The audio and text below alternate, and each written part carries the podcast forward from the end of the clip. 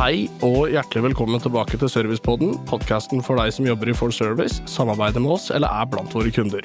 Mitt navn er Marius Pedersen og skal lose oss trygt gjennom årets siste episode. Velkommen til Servicepodden. Snøen har lagt seg, og det er kun noen få dager igjen til jul. De siste tolv månedene har vært hektiske, og det har gitt oss mange høydepunkter og nye erfaringer. Derfor har jeg invitert en gjest for å oppsummere, og samtidig se litt inn i det nye året. Gjesten har vært med oss før, og mange kjenner han godt, men julen er en tid for tradisjoner, så vi kjører likevel på med vår første faste spalte, Fire kjappe. Navn. Tor Rønhovde. Stilling. Jeg er så heldig å få lov til å være konsernsjef i den fine bedriften. Fartstid for service. Ja, hva blir det nå egentlig? Jeg begynte i 2013, jeg, så da blir det vel ca. ni år eller noe sånt. Og hva er det beste med jobben din? Det er egentlig å treffe mennesker, være sammen med mennesker og kunne levere tjenester til mennesker som hver dag. Det er egentlig det desidert morsomste. Tusen takk, Tor. Og husker jeg ikke helt feil, så kjenner jeg igjen noen av svarene fra første gangen du var gjest. Det er godt å høre, Marius. Selv om vi i Forservice alltid er jo selvfølgelig en eh, konstant utvikling, så er det alltid fint at det er noen ting som kan ligge fast. Som nevnt blir denne episoden en anledning til å se både bakover og fremover. Hva har vi oppnådd sammen, hva har overrasket mest, hva blir viktig for det nye året, og hvilke planer skal realiseres? Jeg har en haug av spørsmål, så vi går rett videre til spalten Dagens tema. Og dagens tema har jeg gitt navnet Kavalkade og spåkule. Kjenner jeg deg rett, Tor, så er jo du glad i å snakke om det som ligger foran oss, men, men la oss likevel starte med et spørsmål om 2022. Hvordan vil du oppsummere dette året? Det liksom, det, Vi revitaliserte egentlig selskapet etter pandemien, og 2022 var, starten av 2022 var egentlig en, en kjempespennende for alle parter, for det så vi egentlig litt i spåkulene da vi startet året med hva skal skje, hvordan utvikler vi oss, hva vil skje resten av året. Så kom vi i Q1, og så så vi at ting gikk mye, mye bedre for alle sammen. Så oppsummert for året, så var det det året vi følte at vi fikk tak i de tingene som vi hadde startet før pandemien, og som vi planla i pandemien. Og så gjennomførte vi fantastisk mye av de tingene i 2022. Så jeg kaller det et gjennomføringsår, egentlig, av alle de planene vi har lagt. Og vi fikk liksom se konturene av det som skal være da inn i 2023, som også er utrolig spennende. Ja, det, det er noe jeg syns vi skal være ordentlig stolt over òg, fordi uh, vi, vi, hadde jo et par år med, med, mye slit i pandemien, men det var ordentlig kult å se og, at vi liksom la en del gode planer, og de slo til vi gjennomførte det på en god måte, og det, det, det syns jeg vi skal ta med oss. Men hvis du skal trekke fram én hendelse fra 2022, er det liksom én ting du vil spesielt markere? Ja, det, det må jo bare bli jubileumsfesten. Når vi, når vi samlet egentlig eh, alle ansatte til en helg. Det var stort, det var stolthet, det var egentlig glede, og vi fikk føle egentlig på alle de flotte menneskene som var til stede der, og vi fikk delt på de opplevelsene som vi hadde laget med, på stedet med dans og musikk og, og, egentlig gode foredrag. Så det var et sted hvor vi virkelig fikk dele ting og være sammen. Det er en fantastisk markering. Jeg får nesten sånn grøsninger på ryggen av å snakke om det. Det var så kult. Når du gikk på scenen første dagen her, det var, det var, sånn, det var litt rockestjernestemning, faktisk. Jeg har aldri følt meg nærmere en rockestjerne, faktisk. Eh, da kjører vi vanlig McQueen-låten vår, egentlig, med Don't Stop Me Now, og så drar vi på den, og da det er en gjenkjennelse og en følelse som tror jeg egentlig mange mennesker burde fått lov til å ha hatt. Altså. Den, den følelsen av å være en del av det mangfoldet vi er, Nei, det var, det var, utrolig. Jeg tror aldri jeg har danset så mye heller i løpet av denne kvelden, så det var, det var, det var invitert på dans av de aller fleste, så det var morsomt. Utrolig bra. Kom det noen skikkelig store overraskelser i 2022? Var det noe som du ikke hadde regna med i det hele tatt? Ja, vi, vi, må jo si det, når vi nå nærmer oss slutten av, av 2022, så må vi jo si at selvfølgelig krigen er jo en overraskelse som i seg sjøl, og effekten av eh, kraftkrisen og effekten av råvarepriser og effekten av egentlig alt det som er rundt oss det er litt som vi kaller sånn black swan, som at du bruker som et begrep av ting som bare dukker opp som du egentlig ikke har planlagt eller kunne se.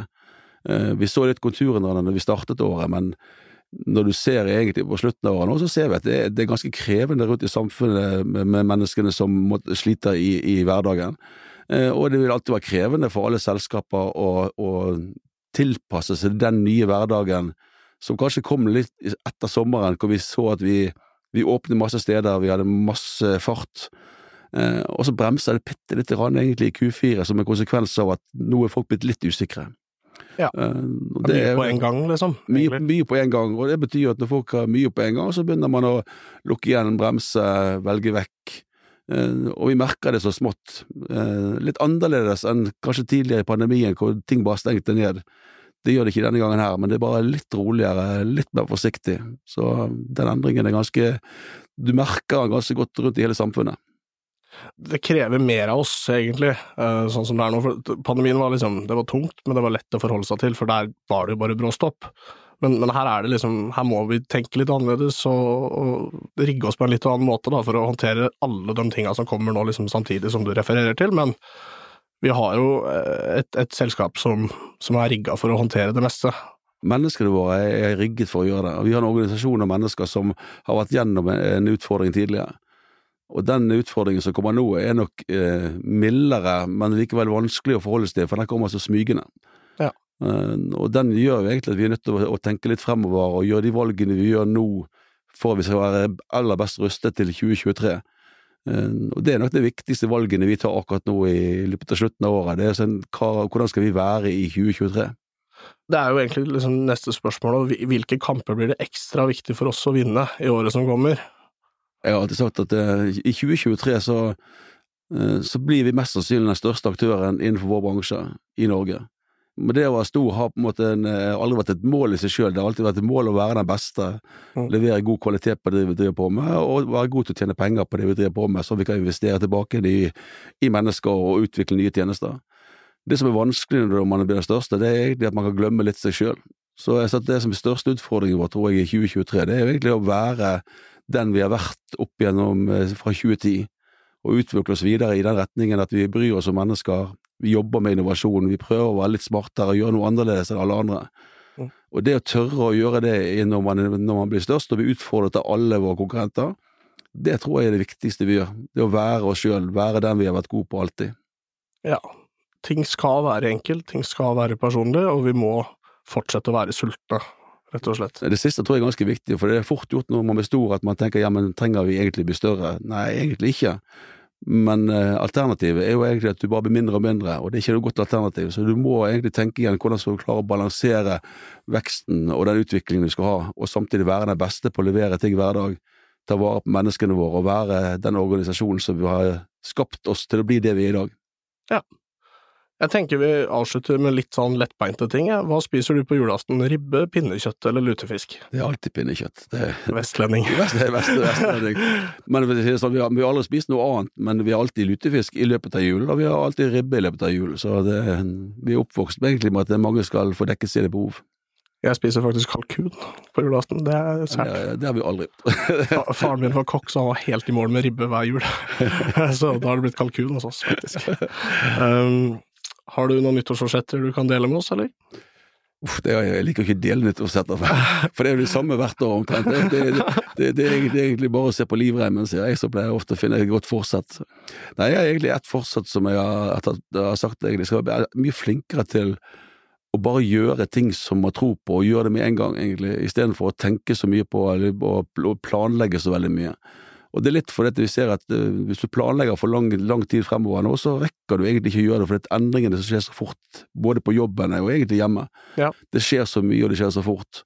Så jeg skal egentlig ha et fortsatt om at jeg skal gjøre, gjøre ting litt raskere. Det, det tror jeg jeg skal prøve å ta med meg sjæl også. Takk til deg, Tor, for at du kom hit til studio i dag og, og runda årets uh, siste episode. Uh, det var moro med et tilbakeblikk eh, på et uh, veldig spennende år, og så merker jeg at jeg er skikkelig spent på hva 2023 har å by på.